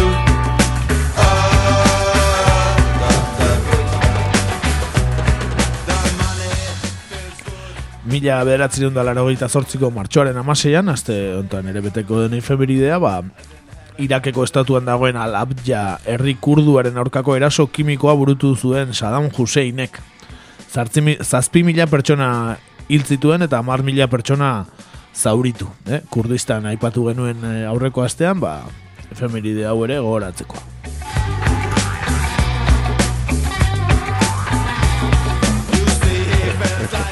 Eta martxoaren amaseian, baina 2008an, e, Parisego aldean, etak lehen aldiz e, jendarme bat hiltzen du erakunde hartako eta jendarmeriaren artean izandako enfrentamendu batean. Bai, iesi zoazela, zi- zijoazela edo, ez? Egin da egon dago tiraketa batean. Nola zukan izena, jendarmeak ere... Jean-Serge Negan, bai. bai, hori da. Eta, bueno, etak eh, eraildako azken polizia izan zen. Eta barkamena eskatu zuten orain gutxi auzitegian e, Parisen, ezta? E, okerrez banago e, plak eta iratxe sortzabalek edo, izan Bai, daiteke? David Plata iratxe sorzabalek beraien aurkako epaiketan, ba, barkamen eskatu zuten, eh, bueno, familiari, ba, gertatutakoaren. Hileta honegatik, jendarmearen e, hilketa honegatik. The trigger of your gun.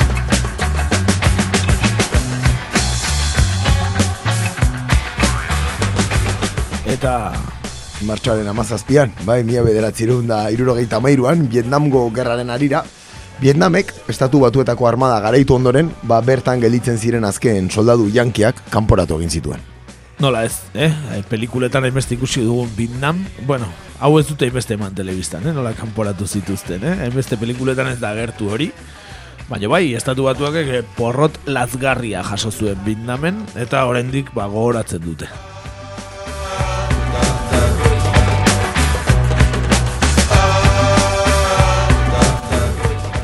Guazen ba gaur izpide izan dugun eh, erligio berri edo fastismoaren herramienta diren sare sozialekin, esan bezala ba introak dena dioenean.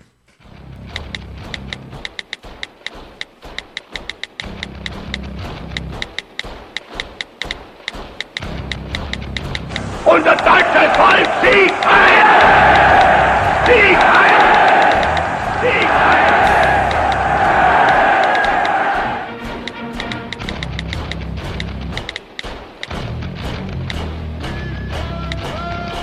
Badatoz SS-ak. Sare sozialetan egur.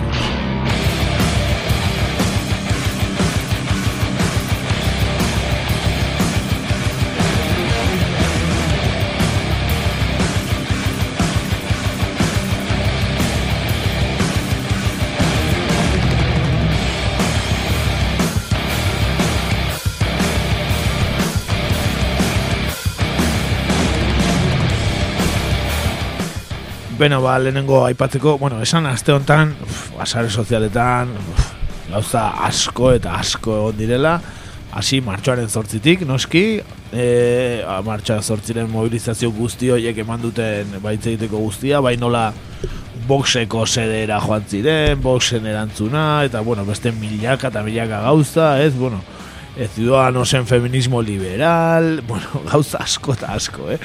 Benetan, eh, danak izan ditugu ekorri, orduan ekarri dugu, ba, gaur, gehiena hitz egiten ari dena, ba, martxoaren amaikako atentatuen kontu hori bera dela, ezta?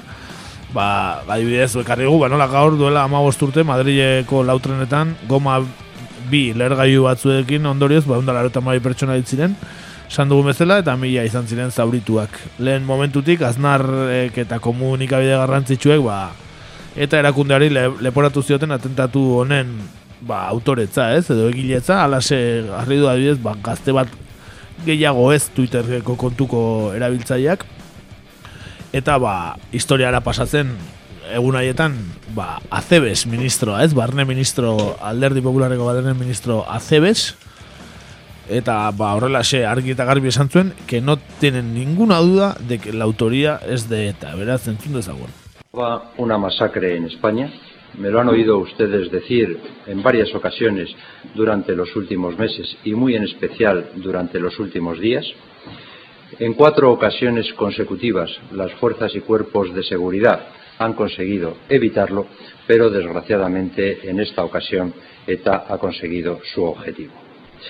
En este momento mm, van más de 173 muertos, más de 600 heridos, algunos de ellos de extrema gravedad. Los atentados han consistido en 13 explosiones, tres en Atocha, cuatro en las proximidades de la calle Tellez, uno en Santa Eugenia y dos en el pozo del tío Raimundo.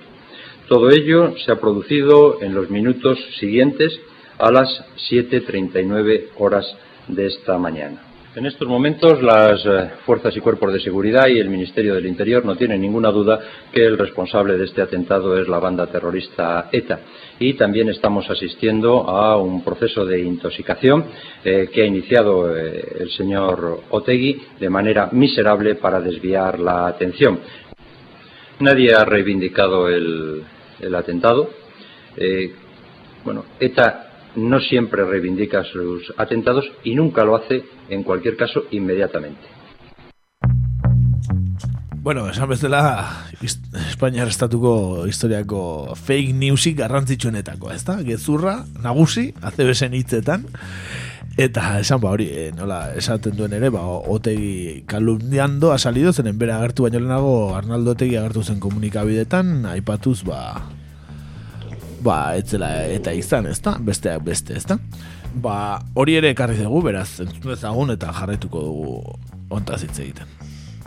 En cuanto a lo sucedido hoy en, en Madrid, en primer lugar, lo queremos dejar absolutamente claro. La izquierda abertzale no contempla ni como mera hipótesis que ETA esté detrás de lo ocurrido hoy en Madrid. Y lo queremos dejar absolutamente claro.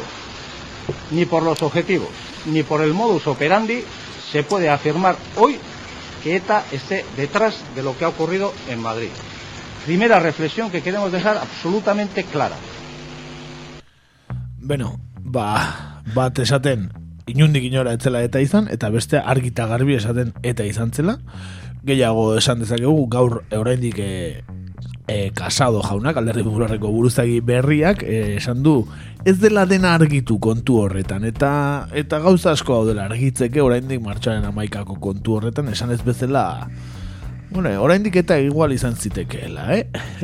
Rekuperatu ezagun orkesta Mondragoneko zinta famatua. Bai, eh, hori da. Eta Eh, Horrekin MCC eta ana eh, sartu zuten zakuan. hori da, ai, finantziak eta prozesu hortan. Bai, bai. Eta, eta horre, hor, benetan, eh, memoria historiko pixkat eginez, ez? Denetarik entzun gerun, eh, egun horietan. benetan. Bai, bai. Eta bueno, gogoratzen ez duenak, ba, kontuan izan, hartxoaren amaikan izan zela hau, eta martxoaren amalauan zirela hauteskunde generalak.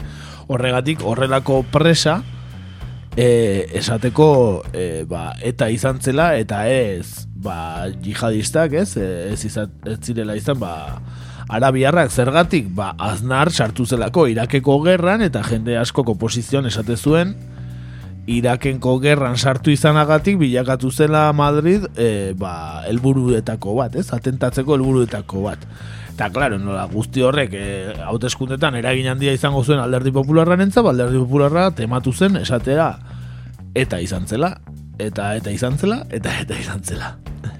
Bai, egia esan nahiko, ez, egun oso konbultsuak izan ziren, eta onartu bara dago, e, bueno, atentatuaren inguruko guztien, guztietaz aparte, ez, nola Zapatero nahiko outsider moduan, ez, aurkeztu zena horietara, nahiko Bai, Inorrek ez zuen txarrakin. espero irabaztea, emate zuen zela Bueno, aznar bazi joan, eta, eta oinordetza uzten ziola Mariano Rajoyri, ba, bueno, ba, jarraitu zezan, ezta? Ba, semeari erregeak eh, printzeari uzten dion bezala, bazirudien transizio ba, ba, lasai bat izango zuela alderdi, popularraren buru gitzaren barnean, ba, segiko zuketelako gobernuan, eta guzti honek harrapatu zituen, ba, jokoz kanpo eta gezur haundi haundi bat eh, ba, inventatu zuten ba, boterean jarraitzeko asmoz. Eta ez zuten lortu.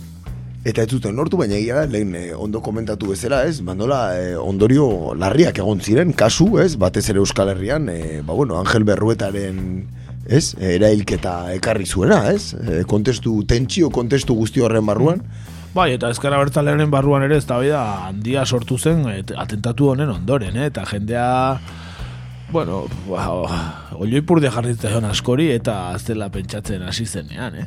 Eta horrek ez da handia ekarri zuen baita ere, ezkerra bertalaren munduan. O, De hecho, esango nuke hor mugarri bat izan zela, ez? Horren aurretik eta horren ondoren gauza, gauza asko, ez? Eh, aldatu zirela, ez? Horretorri zinen zutik Euskal Herria eta bestelakoak, ezta? eta e, aipatu baita ere urteak eta urteak e, egon direla gero e, komunikabide batez ere ultraeskuindarrak eta Eliza Katolikoari lotutako irratiren bat, eh? Ez ezaguna aztu, gaur ere aipatu dugula Eliza Katolikoa gaur danago lotuta. Ba, ba, oraindik e, jarraitzen zutela esaten eta izan zela eta eta izan zela eta bueno, albisteak eta titularrak ba urte urte batzuk egon ziren horrekin, eh? Areta gehiago, eh? El Mundo eta La Cope eta guzti hauek, eh? Bai, Pedro Jotako kriston papera Oh, euki eta zuen. Jimenez ba, dos Santos, eta, Ba. bueno. Eta areta gehiago gogoratzen dut, nola, ez, aznarra eraman zuten, ez, e, investigazio komisiora kongresura, Espainiako kongresura, e, 2000 eta amarrean, ez da zu pentsau, e, ez, a, 2000 eta amarrean, 2000 eta amaikan, eta, eta bertan esan zuen, e, ja, sortzi urte pasa ondoren, eh, erderaz esango, eh, los autores se encuentran más en montañas cercanas que en desiertos lejanos. bai, bai, Osea, alas esan zuen, bai. Bueno, ba hoixe, ez, fabula horren barnean, ba, ba hoixe, ez. Bai, eta gero ez dakit gogoratzen zaten, e, nola, egun batzuk e, beranduago, e, leganesen, ez, e, ukerrez banago, e, izan zela etxe batean lerketa bat, ez? Bai, bai, eta hil ziren... eh, suizidatu ziren. Balizko hiru edo lau jaiz, eta zenbat hil ziren. Bai, eta hor ere nola erdi eskutuan eta nola, ez, kasu hori ere pixat eh, hasieran zen ezer garberik esaten, eh, gero bai le konturatu ziren lagun batzuk zeurela eta ez, azkenen konturatu ziren, bueno, garbi geratu zen eh, atentatua prestatu zutena beraiez zirela, ez? Eta Are, areta gehiago, ez, hor, eh, esan barra dago bilakaera, eta inor gutxi interesatu zuen bilakaera, nahiko iluna izan zela, batez ere eh, akusatuen aurkako epaiketa, bai? Hor egintzan makro epaiketa bat, ez, balizko, eh, ba, bueno, autoreen, edo, bueno, ez, laguntza logistiko eman zutenen inguruan, eta oso, oso gauza iluna izan zela, bai? Hor kondena asko, Astu, Asturiar eh, batzuk eta... Baita trasorras famatu hori ez, Asturiako minetan e, lehergaia e, trafikatzen zuena, eta jihadistei saldu omentziena. Eta bueno, kondenatuen artean ere, eta beraien auzoetan e, protesta asko egon ziren, ba, epaiketaren, epaiketaren ondorioz. Bai. Bai, barkatu, nintzen kaso egiten nahi, zati banekin gordeta geneukala, eta bazpare, ba jarri egin nahi nun e, korte hau. No creo que anden en desiertos muy remotos. Ni que anden en montañas muy lejanas. Hoxe bera. Horixe bera, esan zen aznarrek, ez da? benetan, eh, bikainan. bueno, ba, benetan egun latzak izan ziren, eta nola... Bueno, ia ia inorrek ez du esaten ja eta izan zenik, baina gaur Pablo Casadok, bueno, Bota du, ez? bota du eta boxek ez dakigu esan duen, baina agian baita ere egongo da konspirazioaren teoria honekin.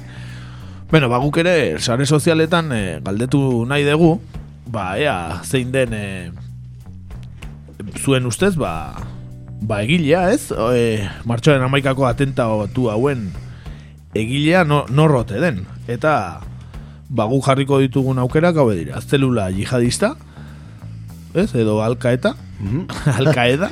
alkaeta ere esan zuten, ez? Biek batera egindako kontua zela. Hori jazan dez, ja, teoria nagusia. Bueno, eh? internazionalismoa nagusi, eh? Hoxe bera, hoxe bera.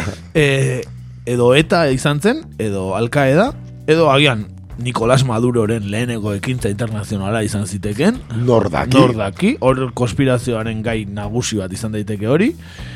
Edo, agian eh, CDR-ak, Kataluniako komisio, eh, Republikaren babeserako komisioak izan daitezke. Horiek ere, ze, oain agertu dira inun, eh, orain, orain dira terroristak, edo aspalditik dira terroristak, eh? Batek daki, eh? Batek daki, eh? Gauzak, daki, gauzak ez dira egun batetik bestera sortzen. Hombre, eta ba, horixe da galdetuko ba, dizueguna e, sare sozialetan, beraz, e, ba, orain bidaliko dugu eta zuek e, erantzun. Esan, aurreko astean galdetu genuela, ea zuen uste zeintzen euskal politikari garrantzitsuenetako azken hamarkadetan, ba, Xaber Arzailu hiltzeare- hiltzearekin batera galdetu genuen kontua, eta Enrik eta Benitok irabazi duela eguneko berra eta seiarekin, eh, aipatu berra geneukan, eta ba, ger, bigarren argala, eh, uneko eta mezortziarekin, eta uneko zortziarekin bai Xaber Arzailu eta bai Carlos Garaiko etxea, hor ere estizioa PNV-a, bakizu, eh? Zortzi eta zortzi. zortzi eta zortzi, bazpare, eh? Behin negoziatzen hasteko gero berriro elkartu eta koalizioa egiteko, egin zuten bezala, PNV-a, eh? gobernuan egon zirela, ba, ezker batuarekin batera, ez? Gogoratu ezagun. Asterizkoa beti ondo etortzen da. Bueno, ba, horixe, orantxe bialiko duguna, ea, zuentzako, martxoaren amaikako atentatuen egilea, benetako egilea zegintzen. Eh? O teoria ofizialak dioen alkaeda, teoria konspirazionistak nagusiak dioen eta, eh? Euskadi eta askatasuna, erakundea, edo Nicolás Maduro ote den, e, indarra hartzen ari den e, konspirazioa, edo Kataluniako CDR-ak izan ote ziren, eh? Zatik, peajea moztearen hau, ba, ze, trenan eta bomba jartzarekin izan dezake zer ikusia, eh? Beti ere, garraio bideekin hartzen dutelako. Eta alde baten orkesta Mondragon, baina besten Pablo Haselena zan, bai. Esan nahi nuen. edo, ozean, igual jarabe de palo, edo, serrate, edo lako. Eta, bueno, ba horixe orain bidaliko dugun eh, kontua izango dela. Eta hala ere, ba, jarraituko dugu beste gaitxo pare batekin.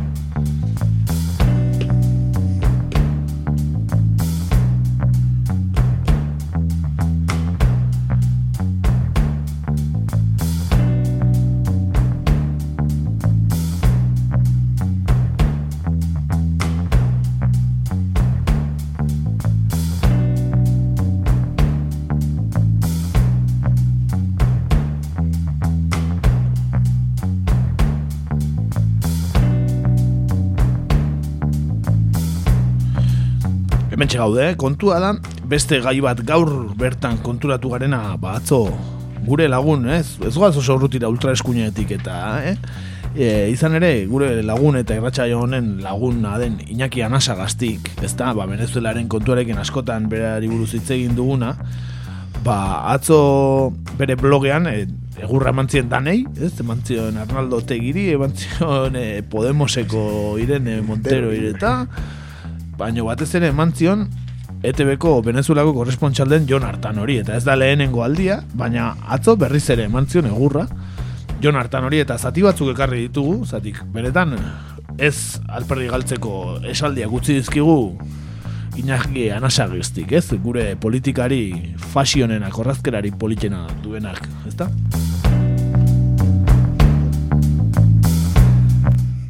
Horrelaxe eh. John Artano, este periodista destinado en Caracas, viene desde hace demasiado tiempo informando sesgadamente y sin la más mínima objetividad sobre la situación que se vive en Venezuela. En resumen, desinformando a sabiendas. Corporativamente, sus compañeros le defienden, cosa harto sospechosa en unos profesionales de un medio público, esaten du. Y sin tener ni idea sobre la situación de Venezuela, zatik anargi dago Venezuelataz. Hemen norbaite baldin badakizu zer, Iñaki anasagasti dela. Eta beste guztiak, ezer ez, ez da, han korrespontxal modura dagoen, momentu betan dagoen, Jon Artano. Sí, señor. Benetan, eh, ikaragarria. Eh, pero deberían defender más la verdad, esaten du gainera. Entre otras cosas, por trabajar en un medio público que no permite los excesos del señor Artano, esaten du. Además, en Venezuela hay vascos que abominan de sus informaciones sin que se les haga caso y con uno de sus miembros asesinados por el chavismo y periodistas perseguidos y en Euskadi, a las. A los venezolanos emigrantes les pasa lo mismo. Solo ha cambiado en algo sus crónicas maduristas al pasar de llamarle al presidente encargado Juan Guaidó de autoproclamado a llamarle líder de la oposición, cuando es el presidente de la Asamblea Nacional reconocido por Europa, los países democráticos de América y por el parlamentario Parlamento Vasco. Este caballero no respeta ni al Parlamento Vasco, a quien debería un mínimo respeto, esaten du Iñaki. Es una vergüenza que ETV manipule diariamente la realidad venezolana como lo está haciendo. Puro chavismo informativo del malo, impropio de una democracia. Esaten du Iñaki Anasagaztik, eh? Hostia, Iñaki, eh? Benetan, honen fuerte indu, eh? Benetan, eh? es una vergüenza que ETV manipule diariamente. Eh, Horraño anda? Bueno, eh, horraño nahiko ondo. Baina la realidad venezolana, la de Euskadi ez du, ez du manipulatzen, eh? Bajarri la venezolana, eh? Asko gustatu zait los países democráticos de América. Bai, Beak bai. esaten du zer da, herrialde demokratikoa eta zein ez da, niñakena sagastik, eh? Argitzen digu, duda bali makazue, berari galdetu. Hombre, berak beti daki, ez dena, dena daki, bai Ego Ameriketaz, Venezuelataz eta dana. Bueno, benetan, eraso larria, eh? komunikabide publiko baten kazeko kazetariari egin diona, eta komunikabide publiko horretan agintean baki zein dagoen, bere alderdia. Beraz, ez dugu imaginature egina izin izan daiteken Jon Artanoren etorkizuna, eh, ba, jaun honek eh, horrelako astakeriak esaten jarraitzen badu, ezta? Bai, segurazki bere infojobeko perfila aktualizatuko zuela dagoeneko. Bai, bai, ba, ba litekeena da. Benetan, e, lotxagarria, eh? Iñaki anasagaztirena, nun agian e, gutxi egongo diren berari bezain bestea hotxa ematen dion komunikabideak, zeren nik e, ETB jartzen duten gutxietan hortxe daukagu bere horrazkera bikainarekin, eh? Ia goizero egoten da, eh? Jake programan bere iritzi ematen. Bai, bai, Ia ala egunero. ala ala da. Eta hala ere, ez zaio nahikoa iruditzen, eta han Venezuelan dagoen korrespontxalak, ba, ba, berak nahi duena esan behar du, eta gainera, ba, berak, e, ba, berak errepresentatzen duen Venezuelako ultra eskuindar horren, e, ba, teoria guztiak e, aipatu behar ditu, ez dirudienez. Ba, eta gehiago, i- idazkeraren tonoak bakarrik ja, ez, deslegitimatzen du esaten duena, ez? Hori tono faltoi hori edo, ez? Supremacista horrek ja, ez dio arrazoi handirik ikusten. Bai, bai, benetan benetan lotxagarria, eh? Pertsona honena. Nei benetan harrituta utzi nau. Bueno, ama, amaitzen guaz eta amaitzeko aipatu, ba, badela beste pertsona bat, e, Venezuelataz ere aipatu duena, naiz eta ez duen bere iritzia argiki esan, ba, ekarri du Venezuelarekin zerikusia duen erreportai bat. Zein den hau? Ba, gure irratxaioko korrespontxal bilakatu den Winston Birakatxa Paba, eh? Kolombiako kazetari bikaina, Eta baikarri diguango berri eta Venezuela ere aipatzen du, beraz, eh, entzun dezagun Winston birakatxa gure lagun bikainaren, eh, ba, adirazpen hauek edo bere erreportaia, ezta? Guazen. El gobernador de Nariño, Camilo Romero Galeano, tras terminar su visita a seis de los diez municipios de la costa del Pacífico nariñense, dijo que tal y como el gobierno nacional realiza campañas para ayudar a Venezuela, las debe hacer con el Pacífico nariñense para disminuir el índice de miseria y pobreza. Recursos que superan los 9.500 millones de pesos fueron asignados mediante el gobierno abierto de Nariño, denominados Gana, que adelanta la gobernación de Nariño en seis municipios de la costa del Pacífico nariñense, en donde además fueron entregados parques infantiles que beneficiarán a más de 40.000 niños de los municipios de Iscuandé, El Charco, La Tola, Satinga, Mosquera y Francisco Pizarro. En estas poblaciones del Pacífico nariñense, sus habitantes escogieron mediante el voto popular las obras que se deben ejecutar con los recursos propios de regalías. Mientras el país está volcando la mirada hacia Venezuela, y yo digo un país que tiene todas las dificultades, que acompañamos, que respaldamos, que esperamos eh, salga adelante por vía democrática, eh, qué bueno sería que nuestros gobernantes también se fijen en las necesidades del pueblo colombiano. Y las que hemos visto hoy aquí, sin duda alguna, requieren de ayuda humanitaria. Esa es la realidad de nuestro Pacífico nariñense. En Pasto, Winston Viracachapaba, Noticias RPTV. Benetan bikaina, eh, Winston, eh? Eta, eta argi esan du, eh? Argi esan du, eh? Ayuda humanitaria para Venezuela eta el Pacífico nariñense, zer, eh? Hemen ere behar dute laguntza, ezta? Zer gertatzen da Pacífico narinen sakin. Benetan, erreportaje bikainak egiten Ona, gure Winston birakatxa. Ona, taimin onarekin, Bai, bai. eh, bueno... eh, Hombre, izke- abiadura hitz egiteko abiadura. Jario bat, jario bat, hor, gauzak esateko. Zintza dio jarraitu. Eh, berez ordu laurdenekoa zen, baina eh? Be- be- berak bi minututan Bi egiten du. minututan, tita, sartzen du beste batek ordu ordena sartuko lukera. Iñakian asagaztik behar duena ordu bete, Winstoneko bi minututan. Jo, benetan, eh, geroz eta, bueno, postasuna undiagoa dakat gure taldeko kidea bilakatu delako Winston, Bai, bai, benetan, benetan bikaina. Bai, a ber, a ber tarteren batean, eh, aurten ez badurren urtean, eh, Kolombiara bidaitxo bat egiten dugun, eh, Winston ezagutu eta edo bera etortzen den. Nahi, Agian. nahi duena, bea gonbidatu dago, bakarrik akaintzonaren presupuestoa, ba ez dela onena. Eh, ba bera gonbidatzeko, ez, bidaia ordaintzeko, ba ez daukago horrelako presupuestorik akaintzonan, Eta berak ere ez dauka presupuesto handirik, ba, ba bere reporteria ekipoa lapurtuta gero, ba, Hoxe. diru gutxirekin geratu delako. Hoxe, ez, ez, bai, etortzeko tan egon zan, ez, reporterio ekipo guzti hori lapurtutako, baina azkenen ez izan zuen. Bueno, hala ere, besarka handi bat Winston Beti, birakatxari. beti. Eta, beste bat Jon Artan hori, eh? sufritzen ari den eraso eta gero, eh?